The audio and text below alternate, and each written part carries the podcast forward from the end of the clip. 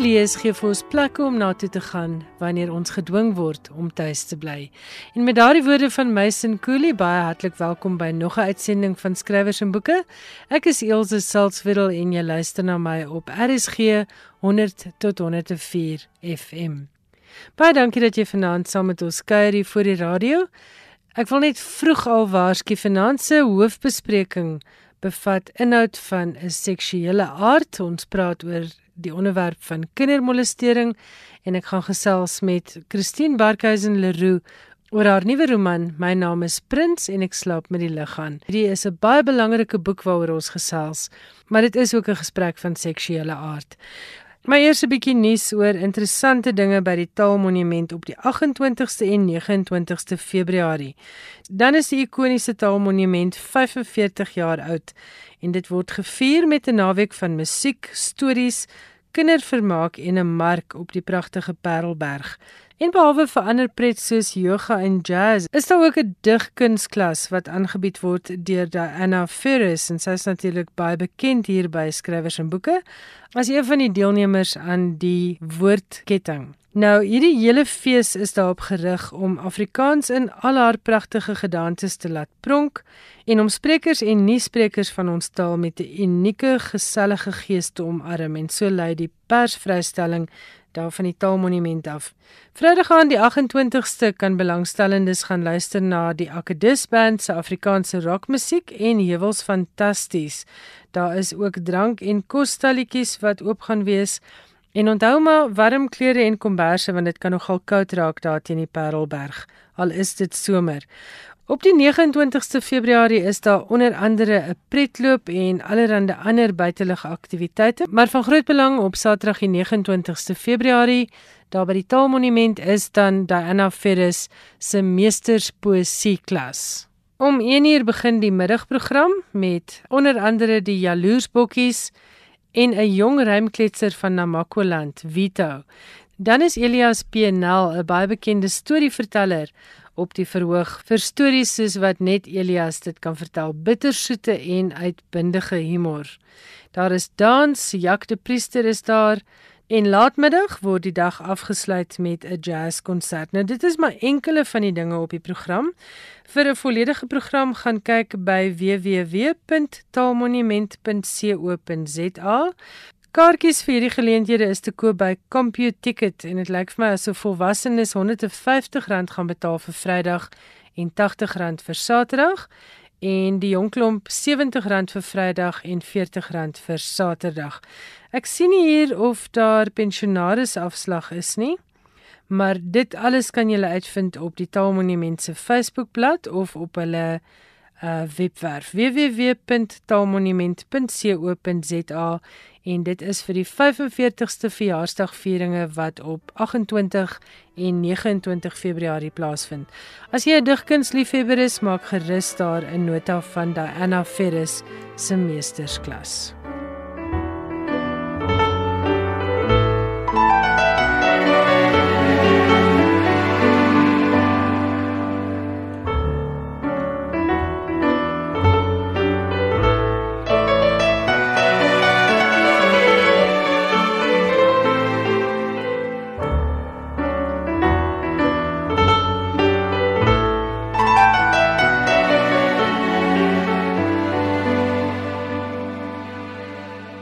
Dan het ek ook 'n e-pos gekry van Theo Kemp, die uitvoerende direkteur van die Jakes Gerwel Stichting.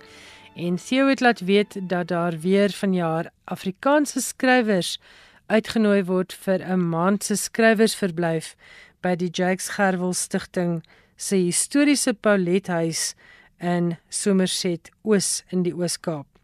Die doel van hierdie projek is om aan skrywers, beide opkomende en gevestigde skrywers, die geleentheid te bied om vir 'n maand lank van hulle daaglikse verpligtinge te ontsnap en voltyds aan hulle manuskripte te kan werk.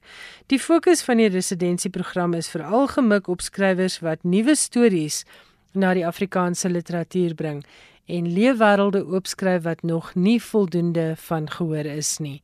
Die historiese Paulethuis met sy charmante ou wêreldsheid, ruimkamers en lowergroentuin bied die ideale geleentheid vir skrywers om in 'n inspirerende omgewing aan hulle manuskripte te werk.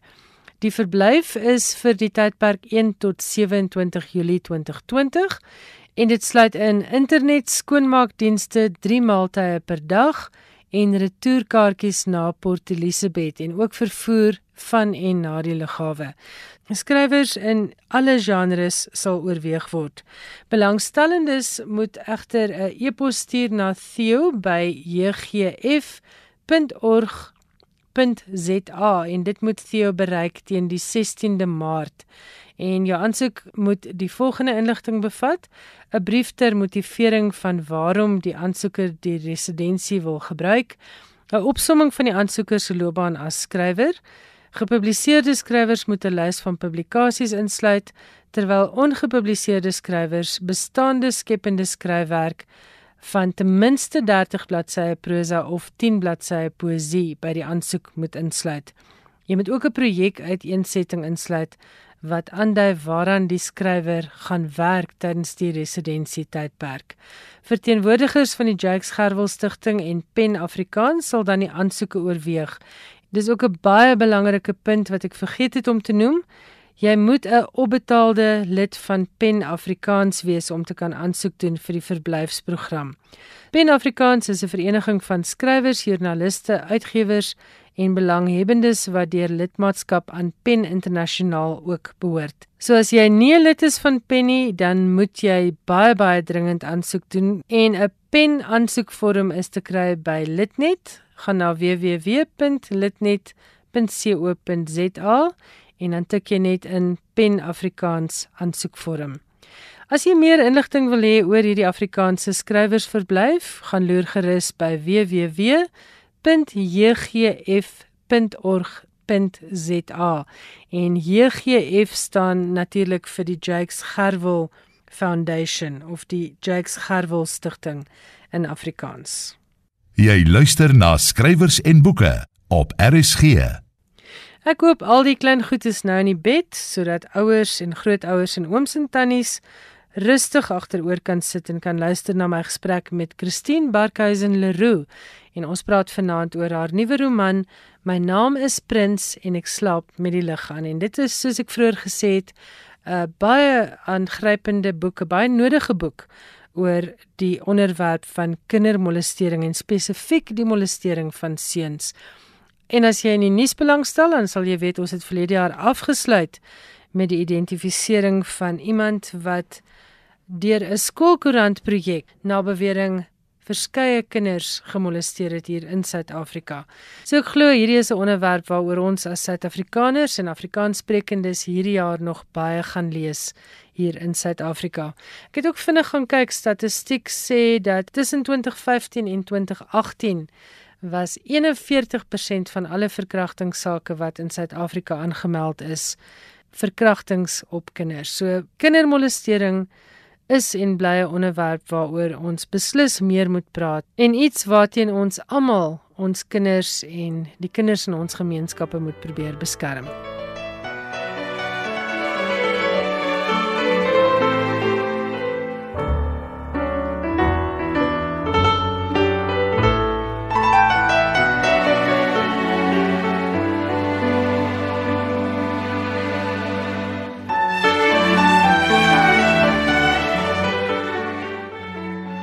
Christine baie welkom by Skrywers en Boeke. Dankie dat jy die moeite gedoen het om na ons Kaapstad se ateljee te ry vir hierdie onderhoud. Dankie Ilse, dit is 'n voorreg. Ons gesels vanaand oor jou vierde roman. My naam is Prins, ek slaap met die lig aan. Nou die eerste ding wat my prikkel van hierdie boek is hierdie titel. Waar kom dit vandaan?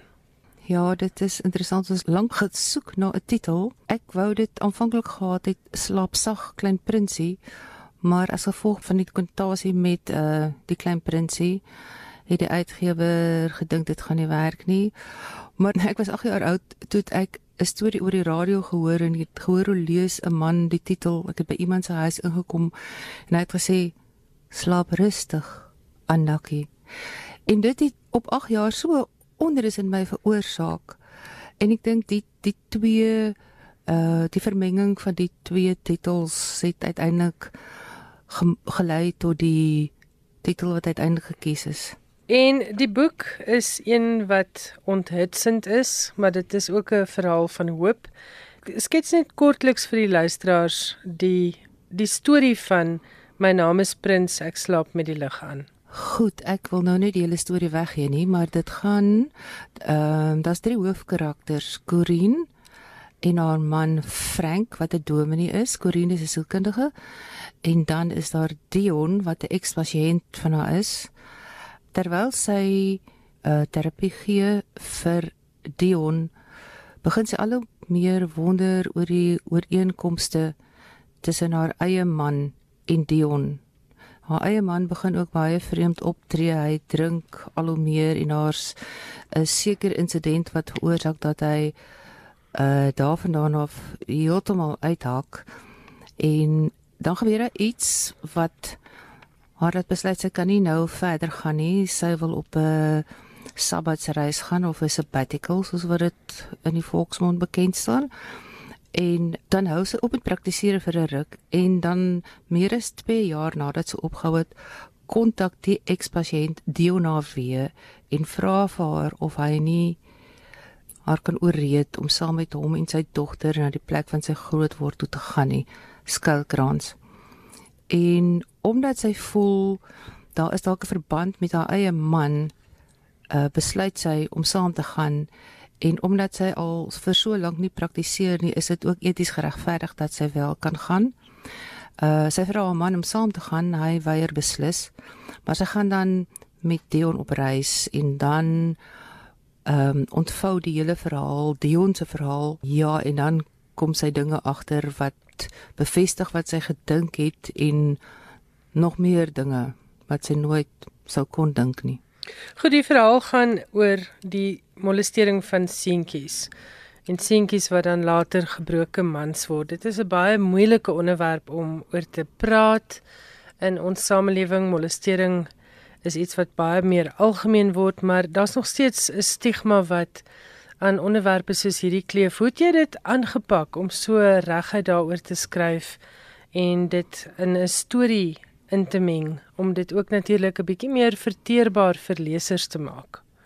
Ja, dit het soos al my vorige stories ook na my toe gekom. Maar ek is ook al jare lank besig met hierdie onderwerp in my kop. En ek het al van verhoë af gesê my oupa het my en my sussie ook molesteer. Jy vergeet dit nooit. Ek het in België met 'n kinderpsigiater gepraat wat met die 800 meer as 800 mans wat uitgekom het uh in 2010 wat deur priesters misbruik is. Ek het met hom 'n onderhoud gehad en hy het gesê mense maak die fout om te dink dis net kinders wat verkrag word ehm um, wat gemolesteer die, is ja, wat gemolesteer is en dit is nie so nie. Enige indringing van veral daai privaatheid, jy vergeet dit nooit in jou lewe nie.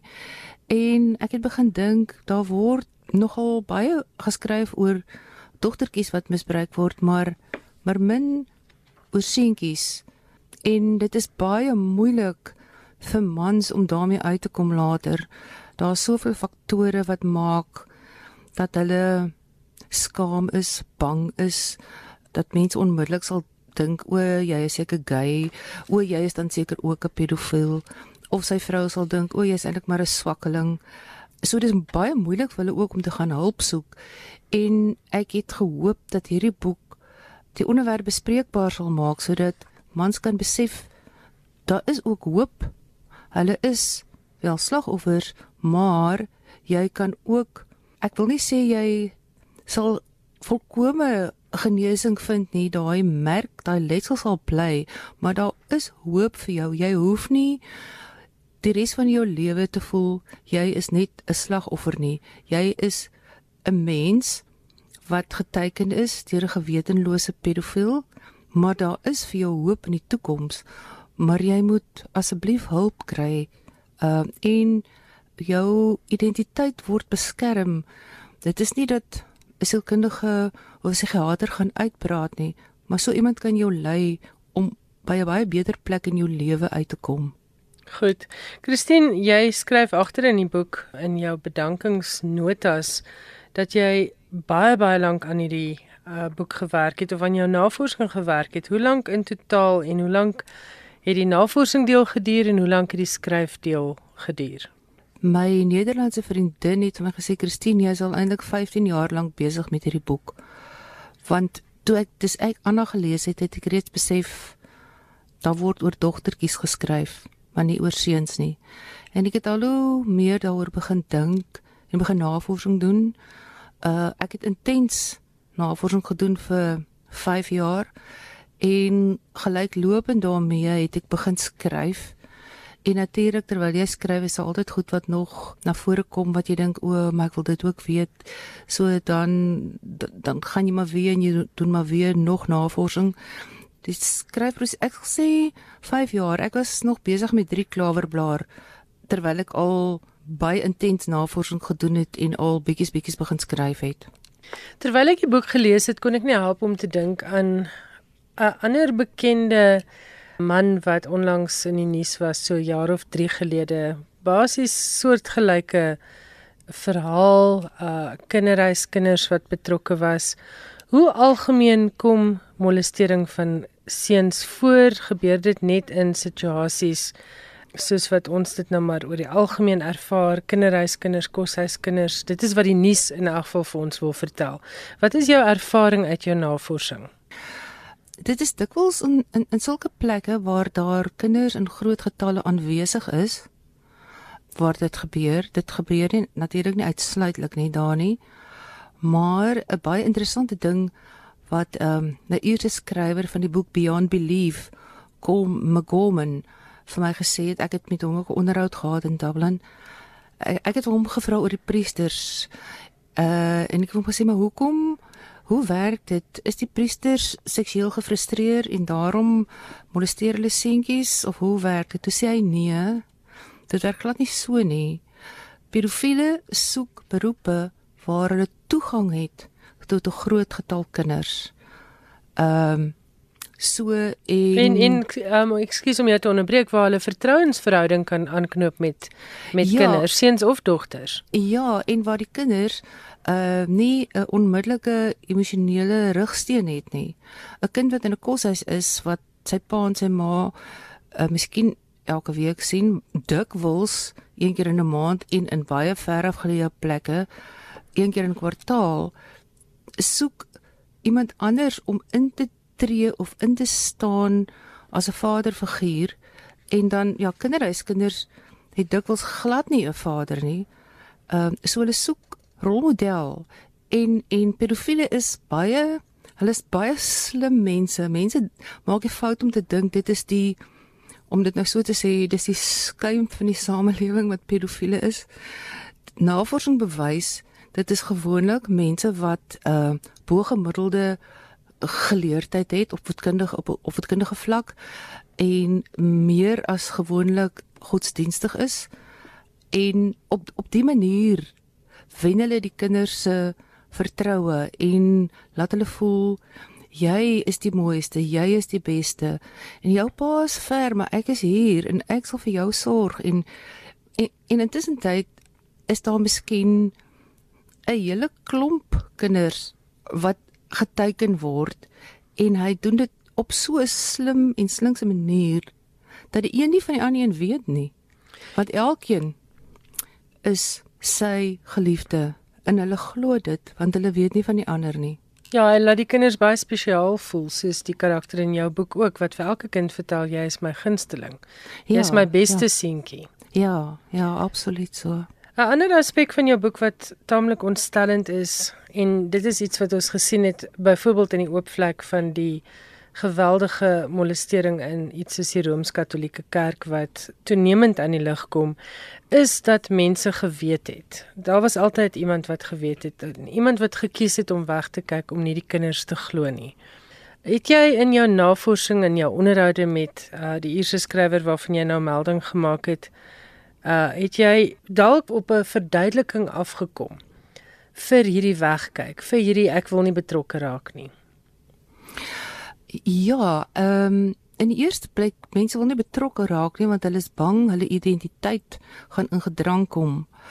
Maar en dit is dit is 'n baie groot maar en ek sal bly wees as die luisteraars dit onthou. As jy weet van 'n kind wat gemolesteer word, hoef jou identiteit glad nie ingedrang te kom nie.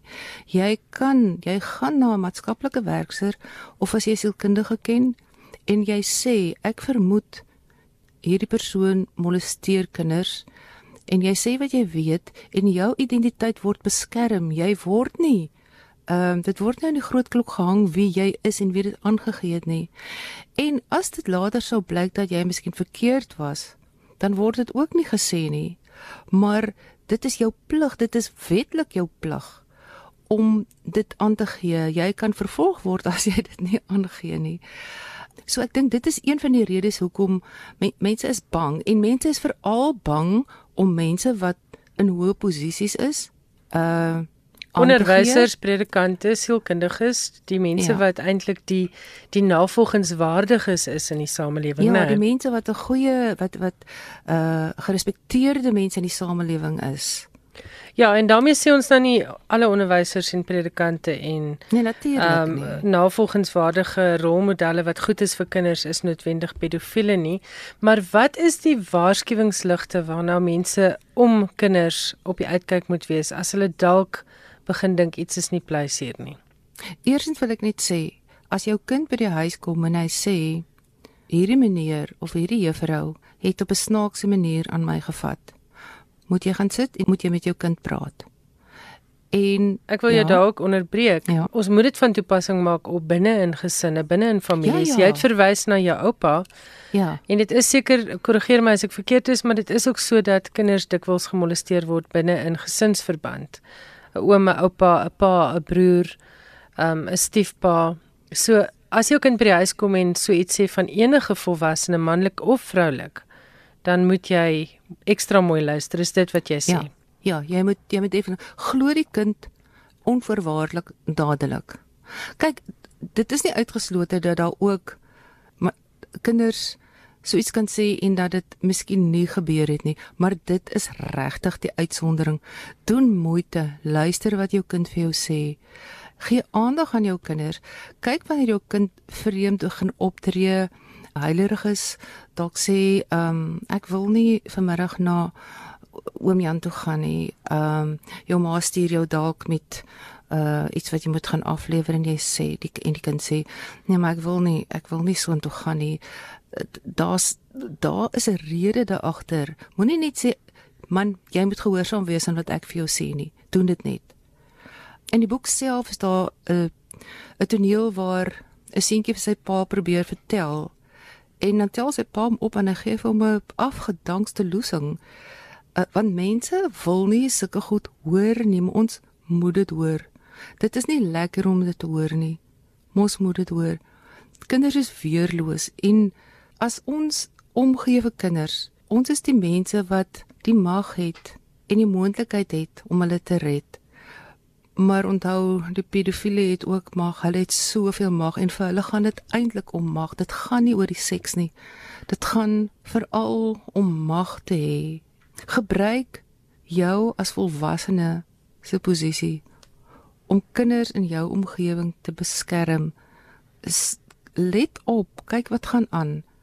Moenie jou kop wegdraai nie en soos ek sê, jou identiteit gaan nie in gedrang kom nie. Goed, in 'n litnet gesprek oor my naam is Prins, ek slaap met die lig aan, het jy 'n uh, ander paar tekens geïdentifiseer. Ek noem dit graag hier vir luisteraars wat dalk vanaand luister en dalk wonder oor 'n kind in hulle lewe. Um as 'n kind vreemd optree en op 'n seksuele manier uh ook optree of met betrekking tot speelgoed en ander voorwerpe, dit is vreemde gedrag. Nagmerries en slaapprobleme kan dikwels onderliggend wees van uh molestering. As 'n kind geheimsinnig raak oor sy optrede oor waar en saam met wie hy was of homself onttrek of baie klouerig raak, né, baie baie angstig raak as hulle van die ouers geskei word. Enige persoonlikheidsverandering behoort uh ondersoek te word. 'n Vrees vir sekere plekke of sekere persone, woedeuitbarstings, eetprobleme, eetgewoontes wat verander Dan natuurlik 'n groot weggeeteken is nuwe woorde waaraan 'n kind nie normaalweg blootgestel sou wees nie en veral as dit van toepassing is op liggaamsdele. As daar skielik 'n baie gawe oomie of 'n nuwe vriend is by wie daar baie geld of persente gekry word, asseblief stel ondersoek in. 'n Kind wat onverklaarbare uh, seertjies of beserings het, byvoorbeeld aan geslagsdele of blou kolle aan sy of haar lyfie, selfbesering, oordraagbare siektes, pyn, die lys gaan aan en aan. Daar is baie baie internethulpbronne beskikbaar en ek wil my stem by Christine se voeg en sê asseblief as jy dink daar's 'n kind wat gemolesteer word, stel eerder ondersoek in voordat dit te laat is. Maar Christine vir jou op 'n persoonlike vlak, was dit vir jou terapeuties om hierdie boek te skryf? Het dit vir jou 'n bietjie closure gebring om die Engelse ek, woord te gebruik? Ehm um, ek ek dink die geval van my oupa het, het ek lankal self verwerk, maar dit dit was vir my nogal erg om my boek te skryf. Ek het vir iemand agterna gesê ek is nie dieselfde mens as wat ek was voordat ek die boek geskryf het nie maar ek is dankbaar dat ek dit geskryf het. En soos ek gesê dis ook 'n boek van hoop en dit is mense moet dit lees as 'n verhaal. Dis nie 'n verslag nie.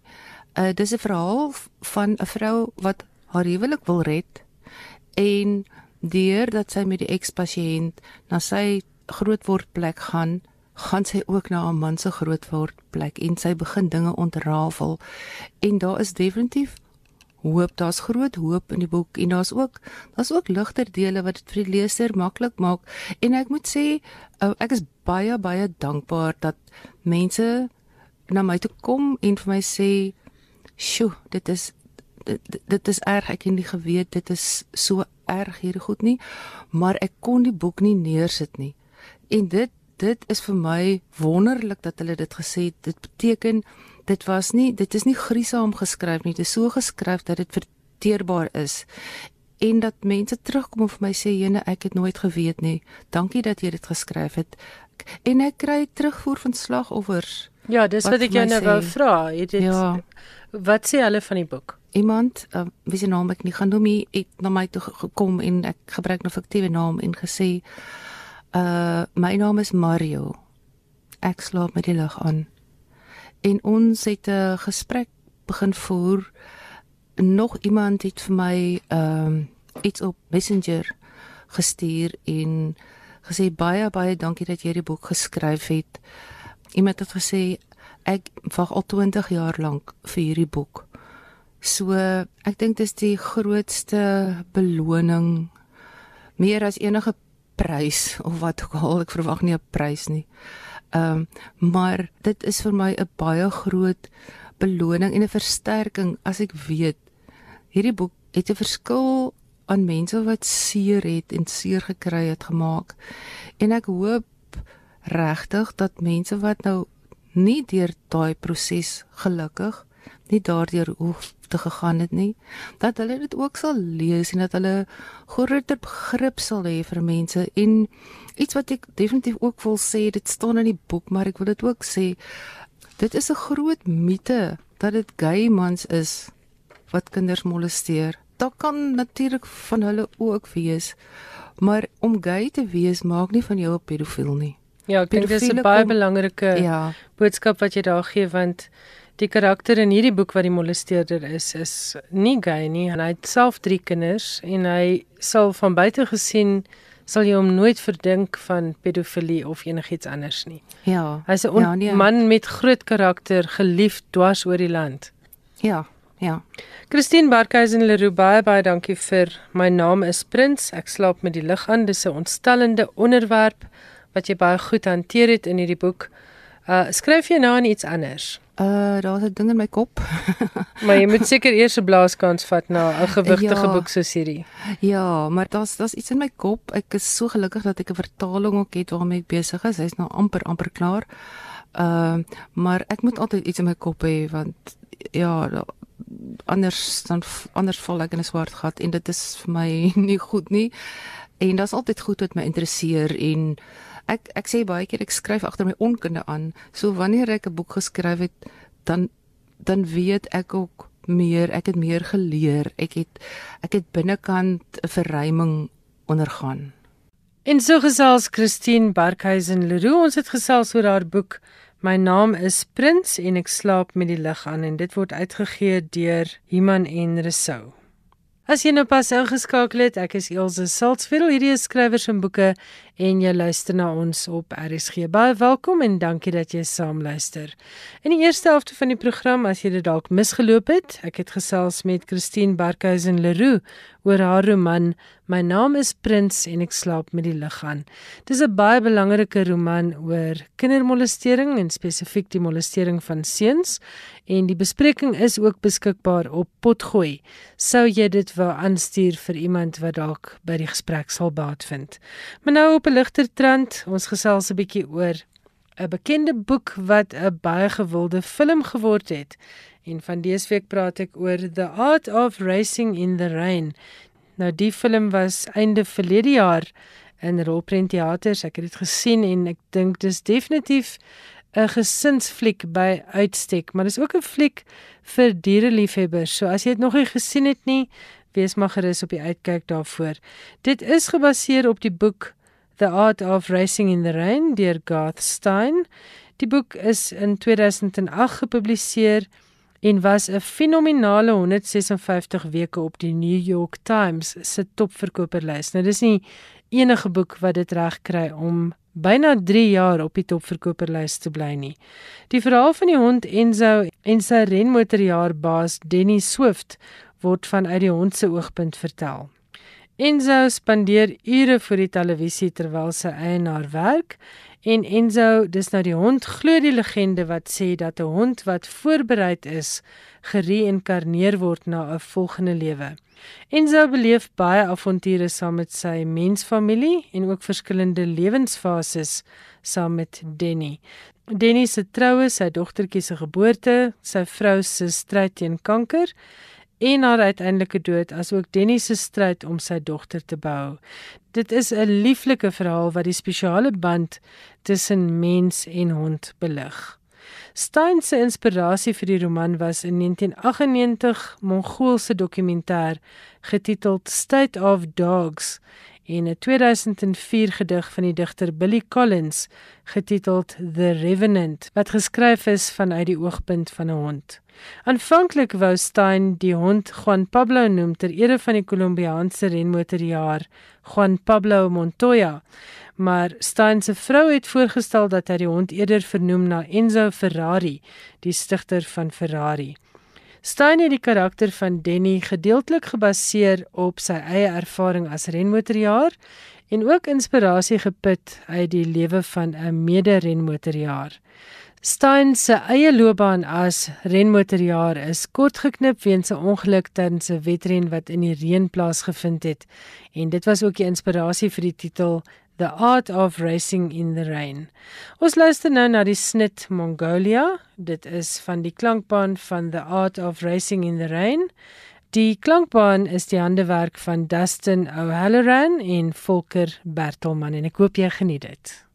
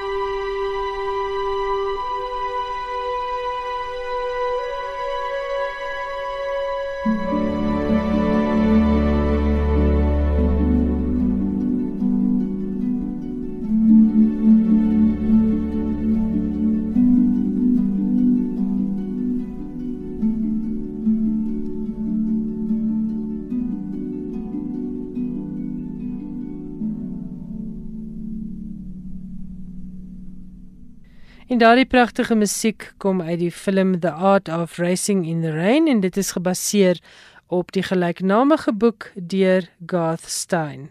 Die musiek is gekomponeer en uitgevoer deur Dustin O'Halloran en Volker Bertelmann. En daardie snit se naam Mongolia. Ons sluit oudergewoonte die skrywers en boeke program af met Johan Meiburg. Johan, baie welkom by my in die ateljee. Baie dankie. Vanaand het jy nuus oor pryse. Dit is natuurlik nou die seisoen waar alle pryse aangekondig word of die begin van al die aankondigings. En jy het nuus oor 'n Keniaanse digter, maar die mikrofoon is joune. Baie dankie. Jonathan Coe se Middle England, 'n roman wat aangeprys word as pasklaar fiksie vir ons tyd, het pas die Costa Romanprys verower. Die pryse word jaarliks net na nuwe jaar aangekondig. Dis 'n Brittanje wat as gevolg van 'n Brexit referendum aan flarde is wat Coe gebruik as die omstandighede waarin hy sy karakters plaas. Vel meningsverskil oor die kwessie sny in die boek byvoorbeeld ook deur 'n huwelik. Middle England is die derde roman in Coe se soort van trilogie met The Rotters Club van 2001, die eerste en The Closed Circle, die tweede boek. Die roman begin 9 jaar gelede in die buitewyke van Birmingham waar aanlegte waar motors vervaardig is plek gemaak het vir kleinhandel kettingwinkels. Benewens oproer in die strate loop koers hoog vir die Olimpiese spele van 2012. Dis teen hierdie agtergrond dat Kou sy verhaal met beskouings aan alle kante versigtig weef. John Boyne, een van die beoordelaars van die Costa Romanprys, het veral hierdie aspek, die feit dat Kou albei kante van die gesprek in sy boek beskryf, uitgesonder as verdienstelik. Dis onder meer die taak van 'n romanskrywer om nie helde en skurke te verbeeld nie, maar die mensdom, het Boyne gesê. Middle England het meer as koerante en artikels oor die saak my gehelp om begrip te vorm waarom mense ernstig kan wees om die EU te wil verlaat, het hy bygevoeg. Die Costa-prys vir 'n debuutroman is toegekend aan Sarah Collins vir haar gotiese verhaal The Confessions of Franny Langton. Dis die verhaal van 'n Jamaikaanse vrou wat in 1826 aangekla word van die moord op haar werkgewers in Londen en is geskoei op 'n verhaal van 'n Jamaikaanse seun, ene Francis Barber, wat in diens was van die skrywer Samuel Johnson. Die Costa Biografieprys is toegekend aan Jack Fairweather vir The Volunteer, die verhaal van Witold Pilecki, die Poolse offisier wat so vroeg as 1941 reeds met bewyse van nazi-vergrype in Auschwitz vorendag gekom het. Die digter Mary Jean Chan het die poesieprys verower met haar bundel Flash en Jasbinder Asha het die Costa prys vir kinderboeke verower met Asha and the Spirit Bird. Uit die vyf wenners word die algehele Costa wenner van die jaar nou aangewys en die wenner word aangekondig op 28 Januarie. Nou ja, 'n hele klompie boeke wat dan nou dadelik op vanjaar se leeslys te behoort te wees. Ek weet nie of ons ooit gaan voorkom in die boeke wat ons wil lees nie. Die boek waaroor jy die meeste nou gepraat het was Jonathan Coe se boek Middle England. Ja. En maar jy gaan vir ons weer 'n oorsig gee wanneer so, as die pryse nou as die groot koste nou groot, aangekondig goed, word, dan goed. sal ons weer daaroor gesels. Goed, en dan is daar 'n prys wat toegekend is aan die Keniaanse skrywer Ngugi wa Thiong'o. Vertel vir ons meer daarvan. Wel die internasionale prys van Katalonië is pas deur die Katalaanse regering in Barcelona aan die Keniaanse skrywer Ngugi wa Thiong'o toegekend. Ngugi het die prys gekry uit erkenning vir sy en ek haal aan uitsonderlike en moedige skryfwerk en vir sy bevordering van Afrika tale, veral in die konteks van taal as 'n draer van kultuur en 'n kollektiewe jeugennis. In 'n verklaring het die paneel wat hom aangewys het, hom beskryf as een van die vernaamste en bekendste skrywers in Afrika in alle genres: roman, essay, memoir, tekste vir die verhoog, alles tekste waarin hy 'n ryk Afrika tradisie versmelt met 'n sensitiewe, dog genadeloose beskrywing van die omstandighede, politiek sowel as sosiaal in Kenia. Sy primêre skryftaal is Gikuyu. Na aanvanklike verbod op sy werk in Kenia in die 1970s, aangevuur deur 'n verhoogstuk van 1977 waarvan die titel vertaal kan word as I will marry when I want, het Ngugi die land verlaat en in ballingskap eers in Brittanje en daarna in die VSA gaan woon waar hy klas gegee het aan verskeie vooraanstaande universiteite.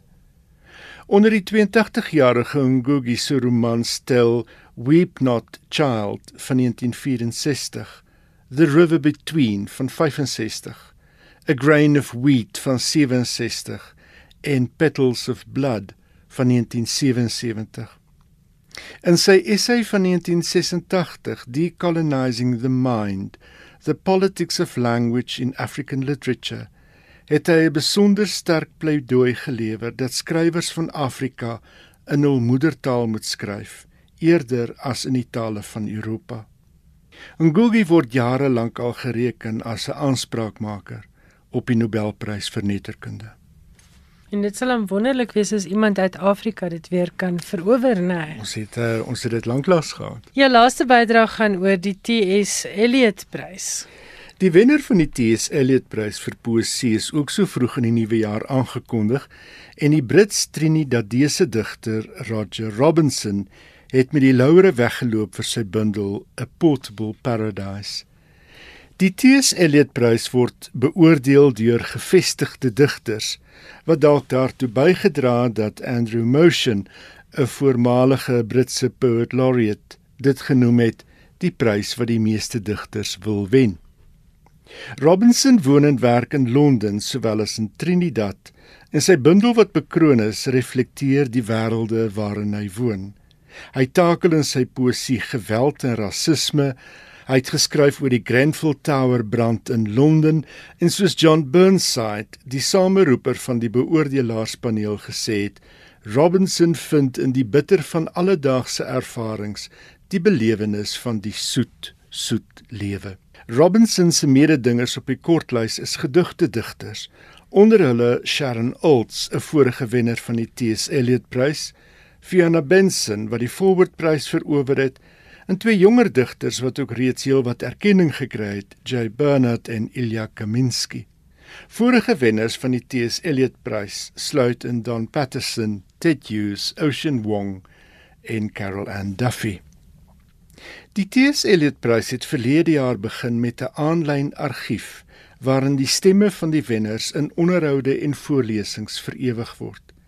Dis juis een van die voorlesings waarna ons nou kan luister. Die gedig heet Ghosts en is geskryf na die brand in Londen se Grenfell Tower in 2017. Die brand wat op die 4de vloer van 'n woonstelblok van 24 verdiepings in Noord Kensington uitgebreek het, het die lewe van 72 mense geëis. Hier is Roger Robinson met sy gedig Ghosts uit die bundel A Portable Paradise. I wrote a series of poems for the victims and survivors of the Grenfell Tower fire disaster. I became enamored with the idea of Toni Morrison's that a site can hold trauma. This poem is called Ghosts. You feel it as soon as you settle in your new flat. Perhaps when you are making rocket salad with lemon dressing, the smell of El Ras Hanout and cumin will assail your nose, make you think for a minute. You turn on a light and your hand will carry a faint scent of cocoa butter. You'll come home from the office and a young woman in a rust colored hijab, barefoot in mint pajamas, whom you've never met before, will agitatedly ask you the way out but by the time you point, she'll have disappeared. Interrupting your evening's Netflix selections, you hear the feet of at least six small children tramping overhead. The copper taps in your refurbished room run smoke for a few seconds before flowing with water. Your weekend lover says he'd rather stay over at his place and gives you no reason. You'll find yourself making up reasons to stay late at the office or catch a drink with friends. At night, a roaring heat will break you into sweat, and no matter how you try, you can't wake up and you can't breathe. You'll hear a call to prayer mixed in with Fela Kuti's zombie and a five year old girl constantly screaming for help from the guttural part of her voice.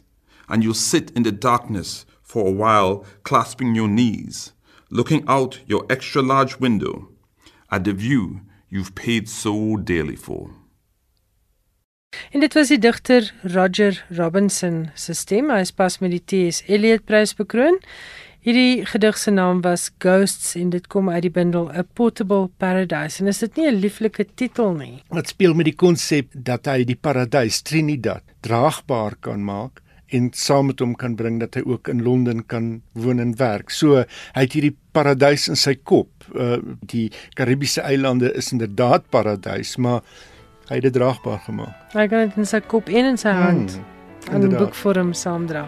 Jan baie dankie. Ons gesels dan volgende Woensdag aand weer. Baie dankie.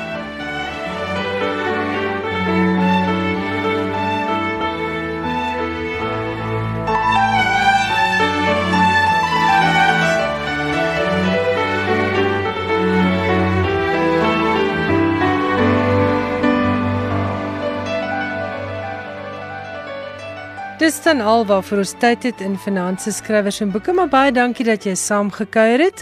Volgende Woensdag aand om 8uur maak ons weer so. Die SMS nommer in die ateljee is 45889 en my e-posadres is skrywersenboeke@rsg.co.za. In volgende Woensdag aand se skrywers en boeke gesels Suzette Kotse Meiburg met Kerniels Breitenberg oor sy roman Hond se gedagtes. So maak seker dat jy volgende Woensdag aand 8uur voor die radio is. Tot dan, totsiens en ek hoop jy het 'n hele stapel wonderlike boeke vir die week wat voorlê.